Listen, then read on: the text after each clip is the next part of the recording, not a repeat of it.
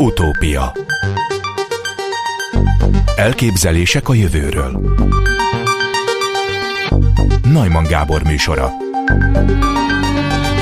Nagyjából egy hónappal ezelőtt kérdeztem arról, hogy megszületett a világon az első gyermek, aki háromszülős mesterséges megtermékenyítéssel jött a világra, és hogy ennek a tudományos kísérletnek milyen erkölcsi és tudományos problémái vannak. Üdvözlöm az utópiában Dinnyi és András magyar kutatót, a Biotalentum Tudásfejlesztő Kft. alapító tulajdonosát. Jó napot kívánok!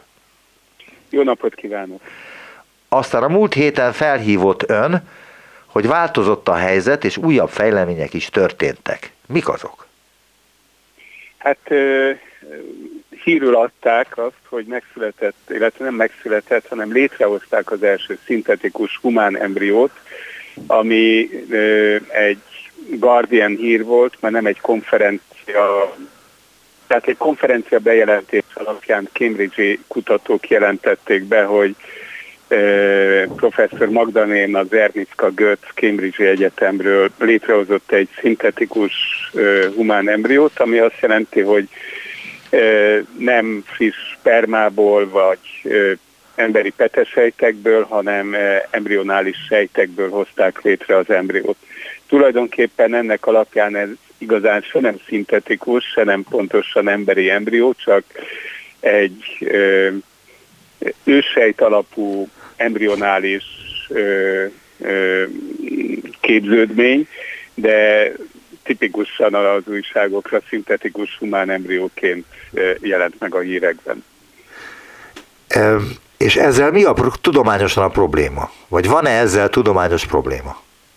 Hát mi örülünk neki, tehát e, probléma nincs vele. E, arról van szó, hogy elég régóta, évtizedek óta tudjuk, hogy állati, meg humán embriókból létre tudunk hozni úgynevezett embrionális őssejt tenyészeteket, amelyek ennek az embriónak a sejtjeiből származnak, alapvetően általában abból a sejt csomóból, amiből a testünk alakul ki, vagy az állatok teste, és ezekkel nagyon sokféle kísérletet lehet csinálni, ebből különböző szöveteket hoznak létre kutatási célokra, esetleg távlatilag gyógyítási célokra.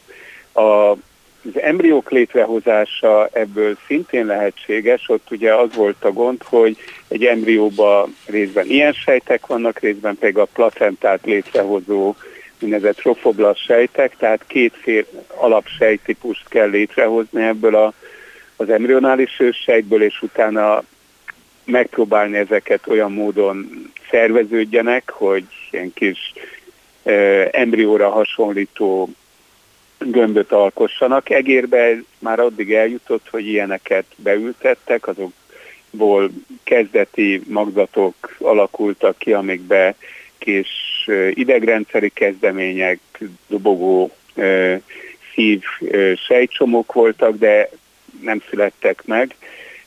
Kínában volt egyébként majom kísérlet. Elnézést, hagyj kér... nem születtek meg. Hagy kérje meg arra, hogy mondja el, hogy miért nem születtek meg, és eszem el kell mondani azt, hogy ön volt annak az intézetnek a vezetője, amelyik a Dolly bárányt klónozta annak idején. Nem ön volt a vezetője annak a csoportnak, aki a Dollyt klónozta, hanem később lett ennek az intézménynek a vezetője. Jól tudom?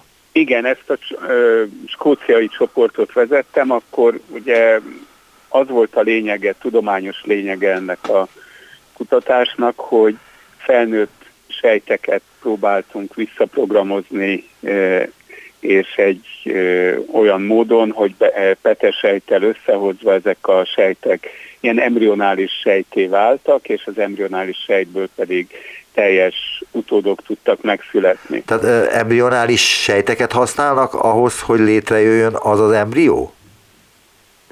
Tehát amiből itt kiindultak, azok ö, embrióból származó sejtek, tehát itt nem programoztak vissza semmilyen sejtet. Ezt szerettem volna kérdezni, csak nem jutott eszembe, igen.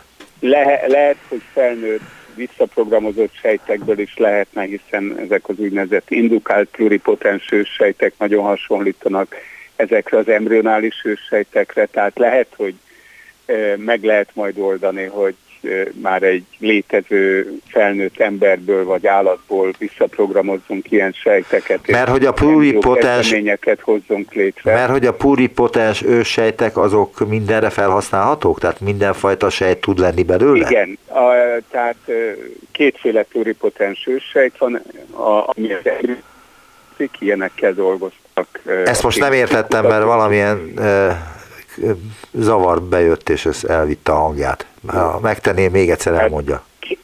Kétféle embrionál pluripotens sejt létezik, az egyik az embriókból származó, ilyenekkel dolgoztak a Cambridge-i kutatók, illetve olyanok, amelyeket úgynevezett indukált pluripotens őssejtek kisebb módosításokkal, genetikai, epigenetikai módosításokkal visszaprogramozunk. Ilyen szempontból ez a kutatás azért nagyon izgalmas, mert olyan embrió-szerű struktúrákat hoznak létre, amit emberben nem nagyon tudunk tanulmányozni, illetve ha van is emberi embriót, rengeteg etikai kérdés van, hogy egy potenciális emberi lényt akkor most kutatási célra felhasználunk, abból nem lesz beültetés után ember. Itt pedig ezek az embrió kezdemények, vagy embriószerű struktúrák, ezekből nem is akar senki emberi lényt létrehozni, tehát tulajdonképpen ez egy olyan kutatási eszköz, amivel a korai magzati fejlődést, a beágyazódás időszakát lehet például majd jól kutatni, ami azért fontos, mert az emberi terhességeknek kb. 30%-ából születik csak utód, és kb. a 80%-a itt a legelején a, az első két hét alatt pusztul el, tehát ezt az időszakot nagyon jól lehetne ezzel tanulmányozni, úgyhogy nem provokál remélhetőleg etikai kérdéseket. Egyébként ilyen szempontból Érdekes a, a névválasztás, a szintetikus embrió, mert, mint említettem, ez valójában őssejtekből létrehozott, tehát nem szintetikus, tehát mesterségesen e, összerakott e, embrió, de mivel az emberi embrióknál e, Angliában, de nagyon sok más országban is van egy elég szigorú szabály, hogy csak 14 napig lehet őket a Petri csészébe labor körülmények között fenntartani.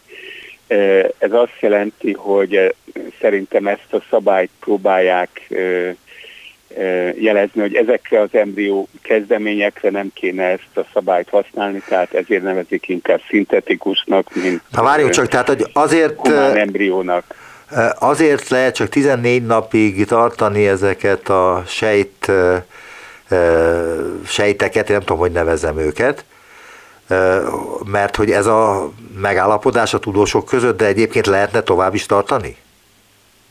Ez nem egy tudományos, hanem egy törvényhozói, etikai megállapodás, tehát a, itt a humán embriók esetében, amit ugye Lombik Baby programok miatt rengeteg humán embrió kerül előállításra a világban, annak egy részéből baba születik, de van rengeteg olyan embrióm, amit nem használnak fel, ezeket tudományos célokra lehet tanulmányozni, de jelenleg az a, a szabályozás, jogi szabályozás van, hogy 14 napon túl ezeket ne tartsuk, mert akkor e, lenne tulajdonképpen már a beágyazódás, akkor már olyan e, szervkezdemények indulnak el, amikre külön etikailag végig kellene gondolni, hogy mondjuk egy fejlődő szervekkel, az a humán embrió az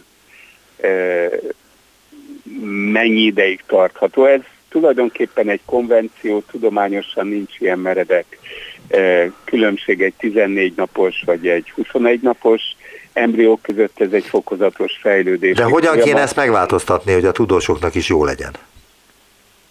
E, itt nem a tudósoknak kell, hogy valami jó legyen, hanem a társadalomnak. Tehát a, a infertilitási problémák megoldása az egy nagyon-nagyon fontos kérdés, tehát a korai beágyazódást szeretnénk tanulmányozni. Erre nagyon jó eszközt hoztak létre ezekkel a még egyszer nem pontos nevű szintetikus embriókkal, de van egy másik vonulat is, hogy ugye a regenerációs medicinához, például az én csoportom Gödöllőn humán bétasejteket, tehát a cukorbetegségben, egyes típusú cukorbetegségben elpusztuló sejteket hozunk létre, hogy ezzel gyógyítani lehessen betegeket. Na most, ha egy komplex... Várjunk csak, de, de még nem gyógyítottak betegeket, elnézést, de még nem gyógyítottak betegeket, csak szeretnének majd. Mi Gödöllön még nem, de humán klinikai kipróbálás elindult Amerikában, és Belgiumban e, ilyen bétasejtekkel, egyes típusú cukorbeteg betegeknél elindult Parkinson betegség. Ott Az önök kutatásai betegség. alapján? Nem, én, tehát a világban többen kutatják ezt, és mi próbálunk lépést tartani, meg az élvonalba maradni, de ez nem egy-egy kutató légből kapott, vagy hirtelen ötlete, hanem ez egy nagyon fontos egész iparágnak a születése, amikor regenerációs medicinával próbálunk megoldani betegségeket. Kiknek segíthet? Igen, kiknek segíthet ez az eljárás, hogyha általánossá válik, vagy engedélyezik a különböző helyeken, mert hogy azt úgy tudni, hogy Nagy-Britanniában nem is olyan régen engedélyezték csak a háromszülős mesterséges megtermékenyítési eljárásokat, az USA-ban nem engedélyezték még, Magyarországon meg ki tudja, hogy mikor fogják. Hát a háromszülős téma az egy más kicsit ott... Csak az engedélyeztetésre hoztam példának. Egy, az engedélyeztetés az egy hosszú és bonyolult folyamat. Európában a regenerációs medicináért a, az Európai Egészségügyi Hatóság, az EMA felel, Magyarországon ugye az OGI járul ehhez hozzá, USA-ba az FDA, de ezek adott betegségek, adott terápiák esetében külön-külön eljárások vannak, klinikai vizsgálatok. A szintetikus embrió jelenleg csak egy eszköz, de azért hoztam ide a regenerációs medicinát, mert esetleg ez az eszköz arra is alkalmas lesz, hogy ha a 14 napon túl lehet ezt fejleszteni, mondjuk több hónapon át, akkor ö, laborkörülmények között esetleg majd a jövőben ki lehet alakítani ilyen fejlődő szerv kezdeményeket, mondjuk egy fejlődő vesét, vagy májat, vagy akár e, e, szívizmot, olyan, olyan szervkezdeményeket, amiket jelenleg csak őssejtből nagyon nehéz létrehozni. Tehát ez, ezzel a, a módszerrel, amikor a tehát a szintetikus embriós módszerrel e, egy sor betegséget meg lehet legyógyítani. Tulajdonképpen, ha elindulunk egy olyan irányba, hogy egy magzati növekedést próbálunk. Várjunk, csak még egy dolgot kell tisztázni, bocsánat, hogy itt, bocsánat, hogy megakasztom, mert szerveket is. Ja, ja. Azért akasztom meg, mert hogy itt a hallgatók egy része nincs tisztában azzal, hogy az embrió az nem azt jelenti, hogy az embernek a magzata, hanem az összes élőlénynek a magzatát is embriónak hívjuk, ugye? Igen, de itt most emberiről beszélünk. Persze, persze, de azért félreérthető, mert hogyha más állati embriókról van szó, akkor is sokan azt hiszik, hogy az nem állati, hanem emberi magzat, és hogy az, a nem szabad semmifajta játékot folytatni. Azért mondtam ezt el most. Jó, akkor erre reflektálok. Tessék? Tehát az fontos megérteni, hogy egy embrió az, az nem lesz emberi lény, egy emberi lény akkor lesz belőle, hogyha egy anyamébe bekerül, és akkor az anyamé és az embrió együtt alakít ki egy olyan magzatot a placentával, tehát a mélepénnyel együtt, ami alkalmas fejlődni, és, és utána megszületni. Itt ezeknél az embrióknál tulajdonképpen a határokat ugyan tologatjuk, de senki nem akar ebből emberi lényt létrehozni, Egyelőre a korai magzati beágyazódást, a mélybe való beágyazódás lehet például majd ezzel tanulmányozni, hogy ott miért veszik el annyi potenciális terhesség, tehát erre ez egy tudományos eszköz, vagy esetleg meg lehet majd oldani azt, hogy szintén nem emberi lény létrehozása, hanem laboratóriumi körülmények között tovább növeszteni ezeket az embriókat, esetleg korai olyan szerv kezdeményeket létrehozni egy hát magzathoz hasonló, de nem emberben fejlődő alakzatot, ahol gyógyításra alkalmas szervkezdemények alakulnak ki. Igen, de nagyon de furán hangzik, elnézést megint. Jövő, jövő témája. Azt szeretném csak kérdezni, hogy, a, hogy az egy normális dolog, hogy egy ilyen Petri csészéből indulva egy vesét, vagy egy májat, vagy egyebeket elő lehet állítani ezzel a módszerrel? Jelenleg folynak kutatások arra, hogy például állati fejlődő magzatba emberi sejteket bejuttatva hogyan lehetne emberi szerveket növeszteni a fejlődő állati magzatban, hogy ezeket a szerveket utána életmentő műtétekhez emberben fel lehessen használni. Ugye jelenleg már van lehetőség arra, hogy sertésből például szívátültetés történt másfél évvel ezelőtt, veseátültetés fele is haladnak a munkák, hasnyálmirigy átültetése, tehát ez, de ezek sertésszervek. A következő lépés az lenne, hogy És a sertés szíve az tud működni az emberben? Növeszteni, Bocsánat, de, de a sertés szíve tud működni az emberben, vagy legalábbis működik? A sertés szívet másfél évvel ezelőtt beültettek már emberbe, és az hónapokon át életmentő módon működött az illetőbe. Utána ugyan meghalt a beteg, de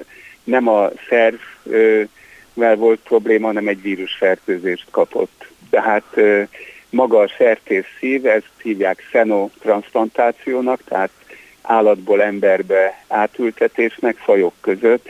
Ez egy nagyon fontos terület, ami életmentő szervátültetéseket fog megoldani, hiszen jelenleg kevés az beültethető szerv.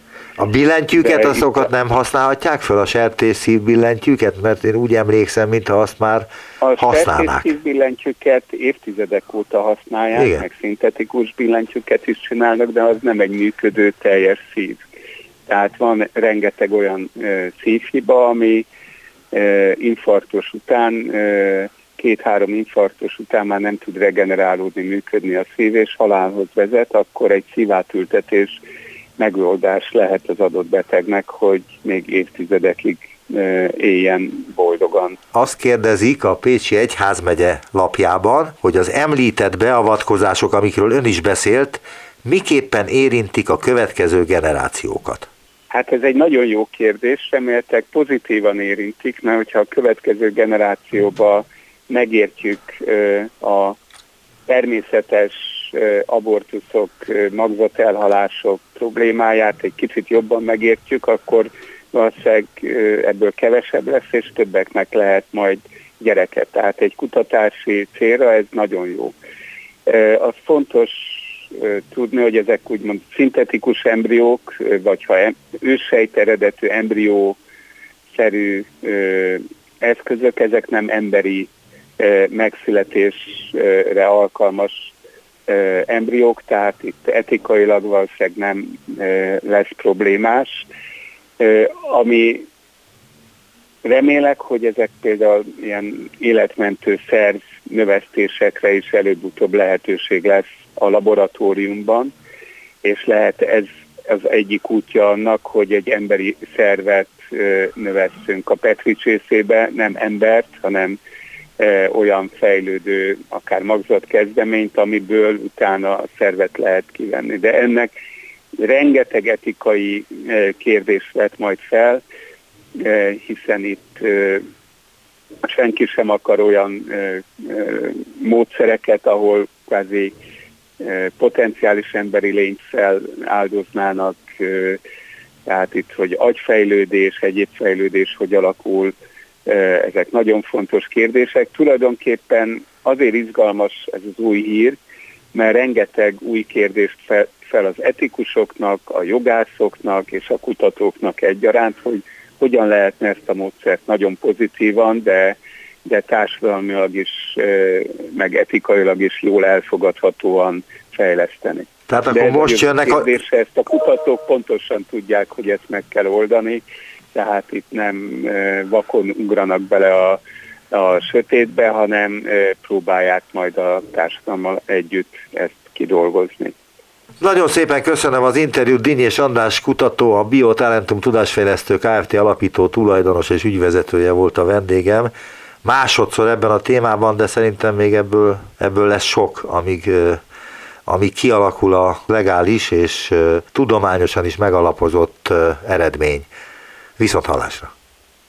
Nagyon köszönöm, viszont hallásra. Az ELKH Energiatudományi Kutatóközpont tapasztó Levente által vezetett élvonal kutatócsoportjában először hoztak létre a látható fény frekvencia tartományába eső grafénplazmonokat egy speciális nanométeres skálán gyűrt grafénszerkezet segítségével. Üdvözlöm tapasztó Leventét, a kutatóközpont osztályvezetőjét az utópiában. Jó napot kívánok! Jó napot kívánok, üdvözlöm a tisztelt hallgatókat! A grafén a szén egy nanoszerkezetű allotrop módosulata, egy egyetlen atomvastagságú grafit réteg, melyet még sejtrácsos elrendezésben álló szénatomok alkotnak olvasni a lexikonban. De mi a grafénplazmon? Hú, igen, hát igen, a grafénról egyébként ez, ez, ez egy nagyon jó formális megfogalmazás, de végül is nagyon egyszerűbben is el lehet mondani. Tehát ő tényleg a létező legvékonyabb anyag, valóban egyetlen szénatom vastag, és a grafitot, amit mindannyian ismerünk mondjuk a ceruzából, ahhoz úgy kötődik, hogy ugye ez ilyen kristálysíkokból áll és egyetlen egy atom vastag ilyen kristálysíket, ami pusztán szénatomokból épül fel, azt külön tudnánk választani, akkor már meg is kapnánk a grafént. Ez ilyen nagyon egyszerűen hangzik. Nem az, már csak azért sem, mert ennek az izolásá, izolálásáért, tehát ennek az elkülönítéséért, ennek az egyetlen egy rétegű kristálynak, ezért Nobel-díjat adtak 2010-ben, 2004-ben tette ezt meg a Konstantin Nocello és André Geim, a Manchester Egyetemen, szóval a, a grafént ilyen egyszerű elképzelni, szóval nagyon-nagyon mindössze a létező legvékonyabb kristály, ami pusztán szénatomokból épül fel. A grafén plazmon, ez már egy... Egy pillanat, hadd kérdezzem meg már bele, ugyanis érintette, hogy, hogy hogy lehet előállítani grafént egyáltalán. Tehát, hogy azt olvastam az ismertetőben, hogy hát, hát egyre jobb több atomot kell leszedni egy, gra, egy grafit részről, amíg elérünk az egy atomig, mármint az egyatomos szerkezetig, és az, az, a, az a grafén. De, Igen, de ezt hogy lehet megtenni, hogy ezt lekaparom róla a atomokat?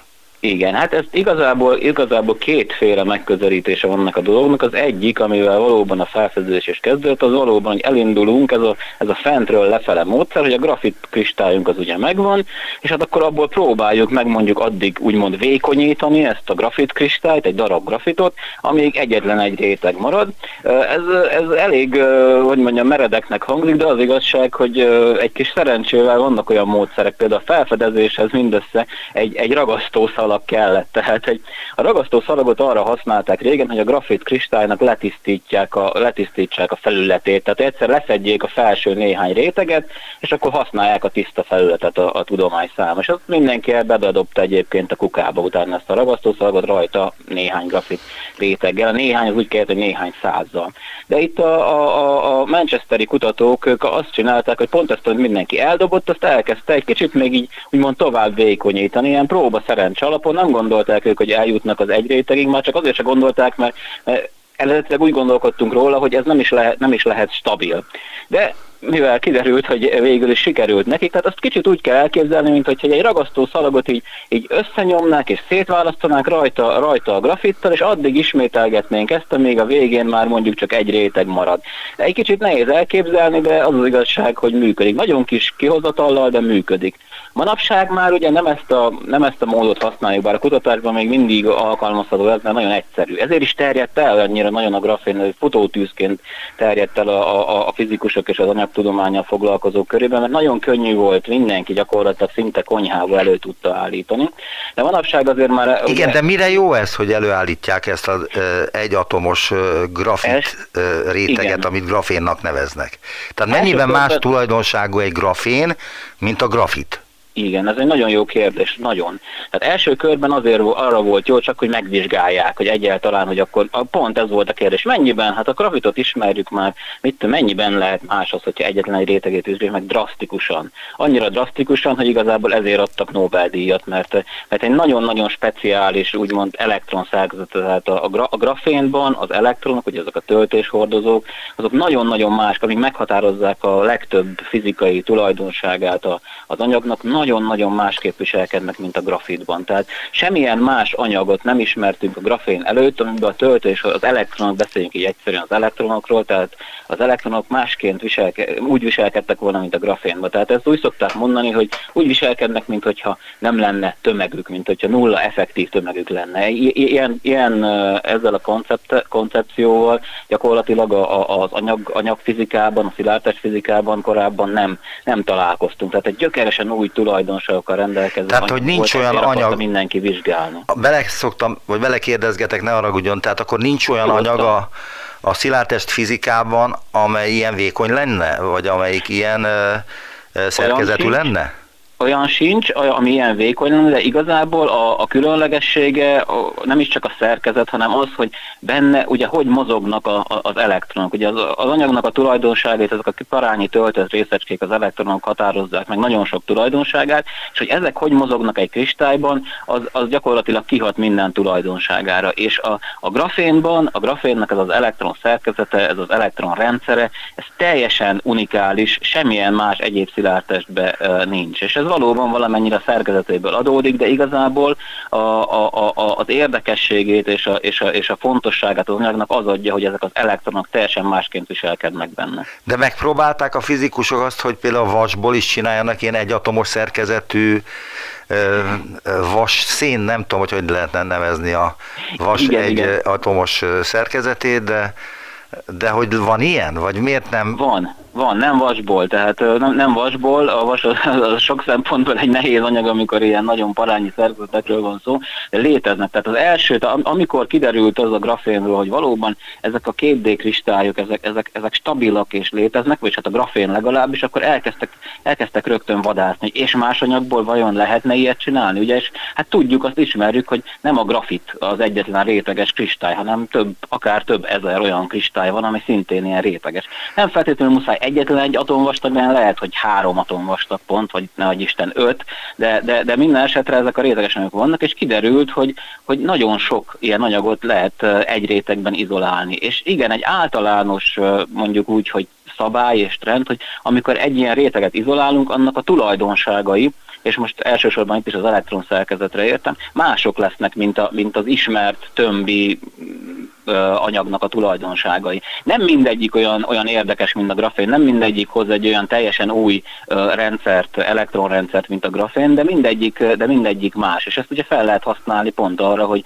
hogy az ember új tulajdonságot vizsgáljon meg, illetve hát aztán adott esetben alkalmazásokat fejleszten rá. Tehát van, jelenleg előállítottak szerintem több száz ilyen egy réteget, és ilyen adatbázisoknak az elemzésével az az, az, a, az az elméleti jóslat, hogy akár több ezer ilyen anyag is létezhet, amit így elő tudunk állítani. Hát akkor most ugorjunk és bonyolítsuk egy kicsit a helyzetet, már elnézést kérek a hallgatóktól, meg öntől is, de nem a grafitról van itt szó, és nem is a grafénről, hanem a grafén plazmonokról, mert azt kérdeztem először, hogy először hoztak létre a látható fény frekvencia tartományába eső grafén plazmonokat egy speciális nanométeres skálán gyűrt grafén szerkezet segítségével. Tehát akkor most mik azok a grafén plazmonok? Igen. Tehát most már ugye kicsit ugye a grafénról van fogalmunk, és itt a leglényegesebb dolog az az, az a speciális elektronrendszer. A grafén plazmonok, a plazmonok eleve egy, egy, egy különleges, hát nevezzük őket részecskéknek, a, a fizikusok szeretik kvázi majdnem részecskéknek nevezni őket. Ugye arról van szó, hogy tulajdonképpen a, a fény az hogy hat kölcsön az anyaggal. Egy plazmon az mondjuk úgy, hogy a, a, a fénynek, ugye fotonnak, ennek az elektromágneses hullámnak és az anyagnak az elektronjainak az összekapcsolódásából, egy különös kölcsönhatásából jön létre ez a, ez, ez a plazmon, ez a plazmonnak nevezett uh, részecske. Uh, tudni kell azt, hogy nem minden uh, anyagban képes uh, a, a, a fény az, az adott anyagnak az elektronrendszerével így összekapcsolódni, ezek csak nagy, általában elég speciális speciális és, és kevés az az anyag, amiket úgy hívjuk, hogy plazmonikusan aktív anyagok, ahol ez megtörténik. És akkor ugye az a kérdés volt, hogy a grafén az, az ilyen anyag-e, és hát ugye a grafénről tudjuk, hogy hát olyan, olyan egyedi az elektron szerkezete, és akkor nyilvánvalóan érdekes, hogyha a fény képes így, így módon úgymond plazmonokat kelteni benne, tehát akkor ezzel a speciális elektronszerkezettel összekapcsolódva vajon milyen érdekes tulajdonságok ö, ö, lesznek. Tehát a fény hatására jön létre ez a bizonyos grafén plazmon. Igen, úgy mondanám, hogy a, a tehát igazából valóban, tehát úgy, úgy kell elképzelni, hogy hát a fény az egy elektromágneses hullám, és akkor most nézzük, annak egy viszonylag gyorsan változó, oszcilláló elektromos tere van, ugye megvilágítjuk vele a grafénnak a felületét, vagy egy adott anyagnak a felületét, ugye az, neki ott vannak az elektronjai, amiről már beszéltünk. Az elektronok ugye elektromosan töltöttek, tehát a fény elektromos tere, ugye, ami egy elektromos tér, az, az hat ezekre a töltött elektronokra, és azt tudja csinálni, hogy elkezdi őket rezgetni. Tehát ugye ahogy, ahogy, ahogy rezeg a, a, a, a fénynek az elektromos tere, úgy elkezdi rezgetni az anyagnak az elektrontengét. És amikor teljesülnek bizonyos, igen, bonyolult és speciális feltételek, akkor az történik, hogy nem egyedi, egyedi módon rezegnek ott elektronok, hanem az egész úgymond elektrontenger, amiben úgymond az anyag burkolózik, annak egy ilyen hullámzás, egy ilyen összehangolt hullámzását keltenek. És, és ez tulajdonképpen a plazmon, tehát a fény által keltett az elektronrendszernek egy, egy összehangolt, kollektív hullámzás. És ezt hogyan lehet detektálni, ezt mivel lehet látni? Nagyon jó kérdés. Lehet detektálni indirekt módon, tehát ennek van egy hatása, és erről mindenképpen érdemes majd beszélni, és elmondom, és, mert ugye hát igazából ez, ez adja az egyik jelentőségét. Hát úgy lehet detektálni, hogy ezek a plazmonok kölcsönhattak a környezetükkel, és ezt mindjárt kifejtem, de lehet őket direkt módon is, vagy direktebb módon is detektálni, egy, egy, egy, egy módszerrel, amit úgy hívnak, hogy pásztázó közeltér optikai mikroszkópia. Talán majd erről is bővebben majd, majd, majd mondok két szót. Az a helyzet, hogy mond egy mondatot, és a, amivel magyarázza a mondatot, arra is ki kell még térni, ahhoz is lábjegyzet kell, meg még ahhoz is lábjegyzet kell, de mindegy, amennyit megértünk belőle, annyit megértünk, kárba nem megy. Igyekszem. Tehát akkor a fény hatására lét, létrejön ez a grafén plazmon, de miért fontos dolog az, hogy a fény kapcsolódjon egy anyaghoz? Ez egy laikus számára, ha rávirágítok valamire, akkor vagy visszaveri, vagy elnyeli, vagy világosságot csinál, vagy elmegy a sötétségbe, és ezáltal nem lesz világosság. Tehát miért fontos az, hogy létrejön a grafénplazmon, és a fényt bezárjuk egy ha nem tudom, hogy bezárjuk-e, de bezárjuk egy ilyen... Be fogjuk zárni, igen. Igen, na jó, persze, tehát általában, általában valóban ez történik, hogy az anyagoknak a többségével a, a fényel való kölcsönhatás viszonylag izgalommentes, tehát hogy elnyelődik, szóródik, adott esetben, tehát hogy ezeket úgy nagy, nagyjából elég jól ismerjük, alkalmazzuk őket.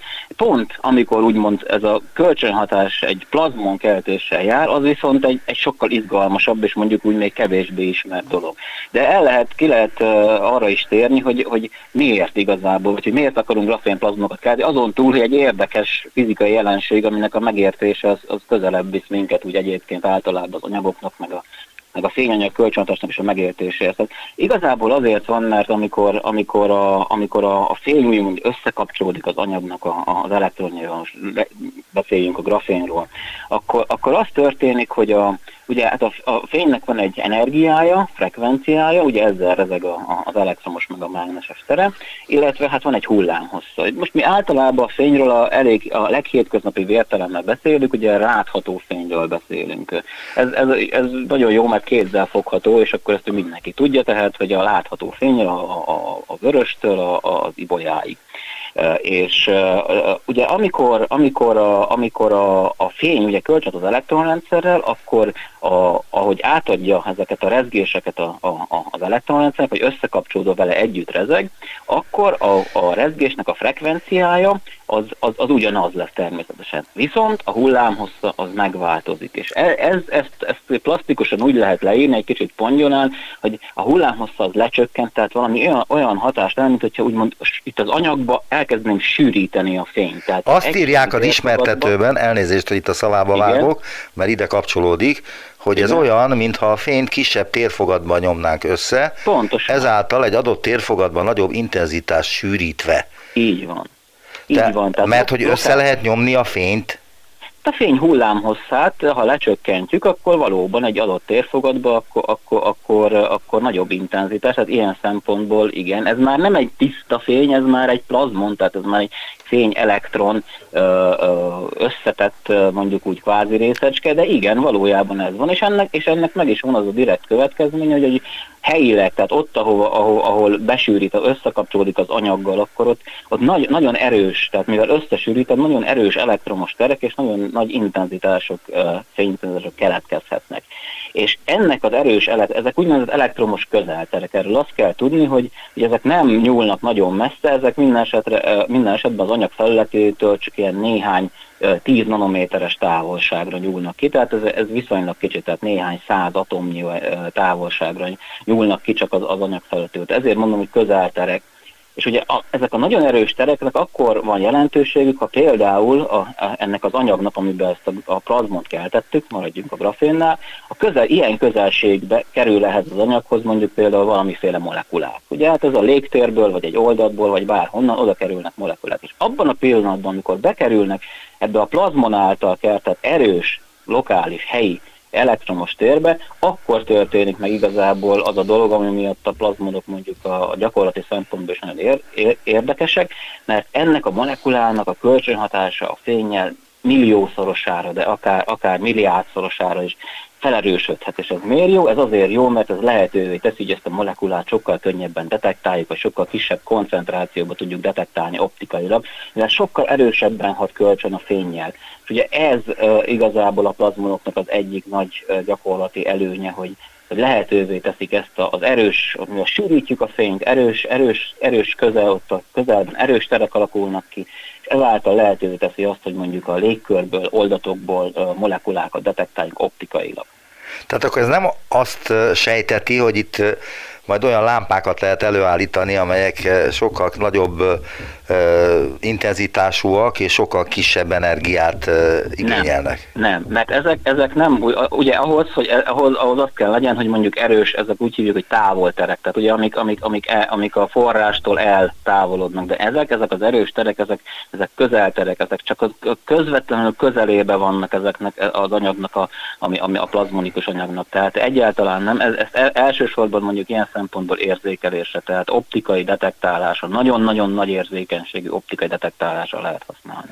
Azt kérdik az ismertetőben, amit megkaptam, amit szerintem ön írt, hogy mire jó ez, és azt válaszolják, hogy a grafénbazált plazmonokat, vagyis a fénynek ezt a különleges sűrített formáját nagyon erős elektromos közelterek jellemzik, mondta is az előbb ezt, amelyek a grafén felületétől mindössze néhányszor 10 nanométeres távolságig vannak jelen.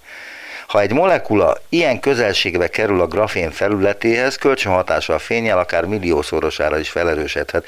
Ugyanezt mondta, de nem árt szerintem, ha még egyszer elmondom, mert nehéz ezt megérteni. Ennek óriási gyakorlati jelentősége lehet, hiszen különböző oldatokban, illetve a levegőben nagyon kis koncentrációban jelenlévő molekulák optikai detektálását is lehetővé teszi. Vagyis hát mire lehet használni akkor? Hadd kérdezze meg akkor teljesen egyszerűen hétköznapi értelemben lehet-e ezt a e, találmányt, ha ez találmánynak számít, valamire használni?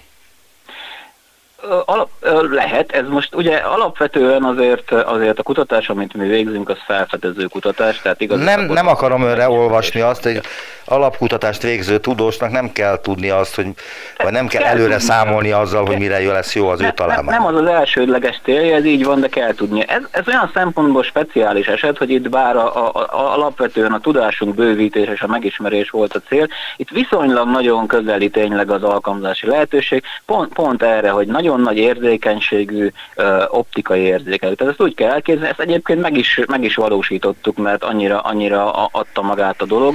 Majd két szót arra is mondunk azért, hogy, hogy mit kell tenni a grafénnal, mert a sima grafénban nem tudjuk ezeket a látható plazmonokat bezárni, de, de amikor meg, meg, meg előállítottuk azt a, azt a grafén szerkezet, amiben ezek tényleg sikeresen úgymond létre tudtuk őket hozni, azáltal, hogy bezártuk őket, akkor, akkor azonnal, adódott a, azonnal adódott az alkalmazási lehetőség, mert egyszerűen az volt, hogy akár ak, már, a, már a levegőből is egyszerűen képes volt érzékelni bizonyos molekulákat, és utána pedig oldatokból kipróbáltuk, hogy nagyon-nagyon-nagyon alacsony koncentrációjú koncentrációban képes érzékelni. Ugye hát érzékelők az, hogy valamiféle molekulát mondjuk érzékeljünk, az az élet számos területén nagyon hasznosak, és vannak, amiket tényleg nagyon kicsi koncentrációban akarunk érzékelni, mérgező anyagok, nem tudom, robbanó anyagok, kábítószeretek, stb. stb.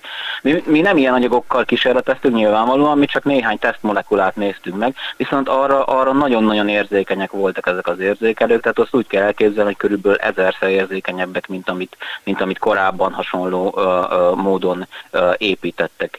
És egy példát mondok erre, tehát mit tudom én például egy, egy, egy adott molekulát, ez egy cinkstallacionin molekula, őt például ilyen femtomoláros oldatból, femtomolos oldatból lehetett detektálni, ez azt jelenti, hogy egyetlen ilyen molekula jut körülbelül, ha jól emlékszem, akkor egy milliószor százmillió oldat molekulára. Tehát iszonyatosan iszonyatosan kis koncentrációból képes úgymond ki, kiszagolni ezek a szerkezetek a grafénplazmonok segítségével a, a, a molekulákat. És mennyire stabil ez a grafén, illetve a grafénplazmon? Ez, ez, ez egyébként ez egyik, egyik nagy előnye egyébként. Emiatt is döntöttünk még úgy is, hogy tőlünk valamelyest szokatlan módon, hogy ezt még szabadalmaztatni is érdemes, ugyanis igazából ez az egyik nagy előnye, hogy nagyon stabil a, a grafén. Léteznek egyébként ilyen optikai detektálásra, tehát pont ilyen tehát érzékelésre, léteznek már, már ismert hordozók, ezeket általában ilyen arany és ezüst nanorészhecskékből készített filmek rétegek képezik. És ehhez képest ugye a grafénnak van két óriási előnye. Az egyik előnye az, hogy egyrészt olcsó, mert szénből van, nem aranyból vagy ezüstből. Hát egy ilyen réteg azért nem, le, nem kerülhet olyan nagyon sokba azért. Nem kerül olyan nagyon sokba, de azért az előállításához viszont, viszont mondjuk úgy, hogy nem, nem csak annyi anyagot használnak fel, amennyi az adott rétegben. De nyilvánvaló, csak, csak izé pikét megjegyzés volt a része. Persze, persze, persze, persze, de e, eleve, de egyébként igen, tehát, de akkor is, tehát még hogyha, még hogyha kevés is kell belőle, a szén akkor is olcsóbb, mint az arany és az ezüst. Viszont az igazi, az igazi mondjuk úgy, hogy előnye, ami az az, hogy míg ezek az arany meg ezüst részecskék, ezek, ezek gyakorlatilag a, a, a környezettel való kölcsönhatás miatt elég gyorsan elveszítik a, a, az érzékelési képességeket, vagy legalábbis elkezdenek csökkenni. Ez meglepő dolog, mondjuk az aranyról különösen, mert hogy azt gondolnánk, hogy hát nemes fém, és hát tudjuk, hogy nem történik vele semmi. Igen ám, de amikor olyan parányi tehát mondjuk 5 nanométeres, 5-10 nanométeres részecskékben van, akkor ez már nem igaz rá, és igenis reaktív lesz, és, és valóban az történik velük, hogy a levegővel, az oldattal, ahol az érzékelés történik, kölcsönhatástól elkezd csökkenni az érzékenység. És ezzel szemben a grafén, ő, ő tényleg annyira, annyira inert ilyen szempontból kémiailag, hogy gyakorlatilag kipróbáltuk hónapokon át, gyakorlatilag nem veszít semmit az érzékenységéből egy ilyen grafén alapú érzékelő. És ugye ez nyilván egy óriási uh, előny, hogyha egy érzékelő az nem csak néhány óráig, hanem adott esetben akár hónapokig működhet. Azt írják szintén ebben, hogy, hogy elképzelhető, hogy ilyen grafén alapú számítógép lesz a jövő számítógépe. Hát igen, most a Ezt én tettem hozzá, hogy a jövő számítógép elnézést. Igen, igen, nem, nem, nem, csak egy hirtelen, mert ugye ennek két, két kihallása is lehetséges, tehát az, hogy a grafénból elekt, klasszikus elektronikai elemeket építsünk, az már gyakorlatilag az már, az már nagyon régóta felmerült. Most inkább, ami, ami, amire itt, itt utalunk, az a grafén plazmonokból, tehát úgynevezett ezek ilyen plazmonikus áramkörök, vagy mit tudom, jellegű dolog. Ez, ez egy nyilvánvalóan ez egy, ez, ez egy olyan alkalmazási lehetőség, amely nem, nem, nincs itt a küszöbön. Tehát ezt mondjuk úgy, hogy el, elképzelhető, hogy azt vizsgáljuk egyáltalán, ez mennyire elképzelhető. És valóban a grafén egy ígéretes anyag ebből a szempontból. De hogy ehhez, ezt, ehhez megértsük, akkor ahhoz egy nagyon kicsit vissza kell kanyarodni, addig, hogy akkor végül is hogy sikerült ezeket a plazmonokat létrehozni, és hogy, hogy sikerült mondjuk látható plazmonokat létrehozni a grafénban. Mert ugye a grafén, ami a, a sima, tehát ebbe a, ebbe a nagyon vékony, mondjuk úgy kell lehet elképzelni egy papírlapot, csak természetesen sokszor sokkal vékonyabb formájában, ugye ő nem képes ezeket a legalábbis a látható frekvencia tartományban, látható fénynek megfelelő frekvencia tartományban, nem képes plazmonokat uh, uh, mondjuk úgy, hogy magában létrehozni, tehát hogy nem jönnek benne létre plazmonok, hanem azt, kell, azt kellett, ahhoz, hogy létrejönnek, azt kellett tennünk, hogy, hogy be kellett zárnunk ezeket a plazmonokat, tehát egy kicsit pongyolán fogalmazva a fény, nagyon-nagyon parányi tartományokba. Ezt úgy lehet elképzelni, hogy ezt a, ezt a kétdimenziós, ezt a papírlapot, ezt a grafénsíkot, ezt fel kellene szabdalni mondjuk ilyen apró pici korongokra. Az apró pici alatt azt értem, hogy egy ilyen kicsi korongnak az átmérője az olyan 5 nanométer, tehát mint 40 szénatom egyszerűen egymás mellé tér, tehát nagyon-nagyon parányi dolgok. Tehát ez volt az elméleti jóslat, hogy így lehet létrehozni a grafénban uh, ilyen látható plazmonokat. És egyébként mi ehhez, ehhez, hogy ilyen parányi grafén szerkezeteket hozzunk létre, ehhez mi egyébként itt a nanoszerkezetek osztályban, osztályon mi nagyon értünk, tehát mi erre egy saját eljárást dolgoztunk ki. És egyszerűen ezeket úgy kell képzelni, mint a kivágnánk, csak hát egy nagyon-nagyon pontos, szinte atomi pontos ollóval kell ezeket kivágni. Mi ez az atomi Azon, pontos olló?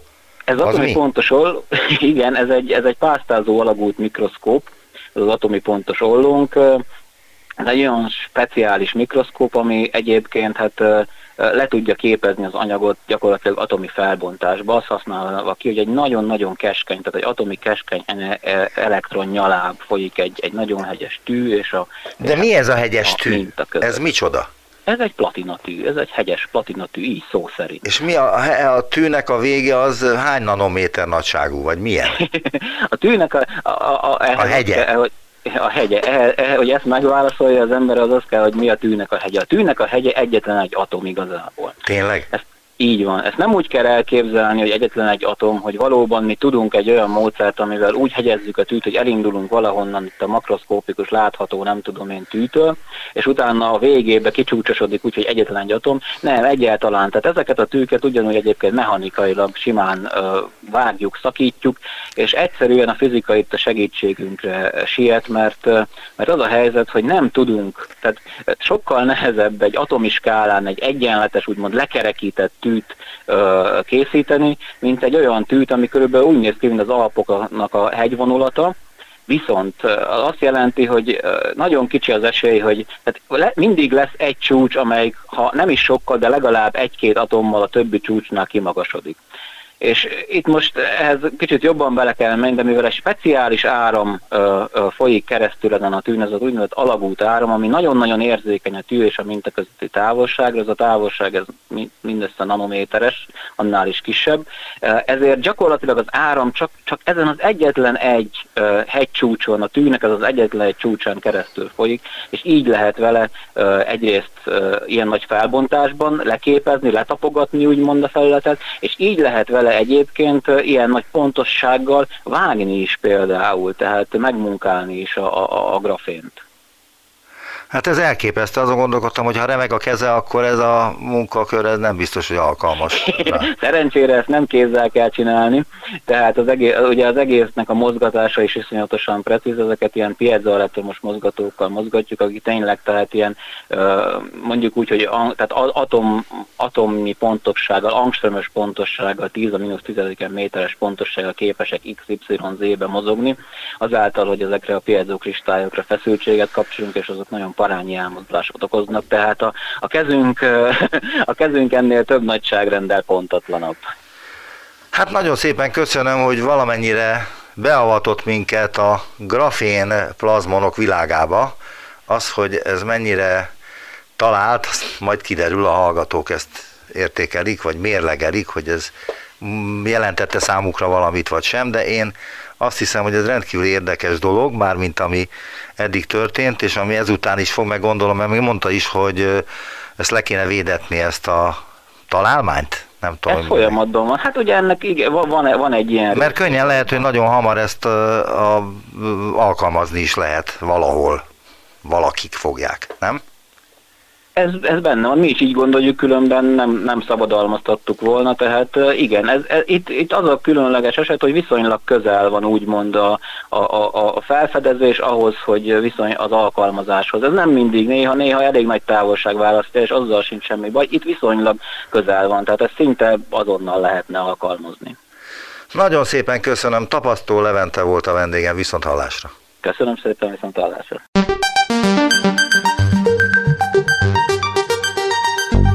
Visszaértünk a jelenbe. Neumann Gábor utópia című műsorát hallották.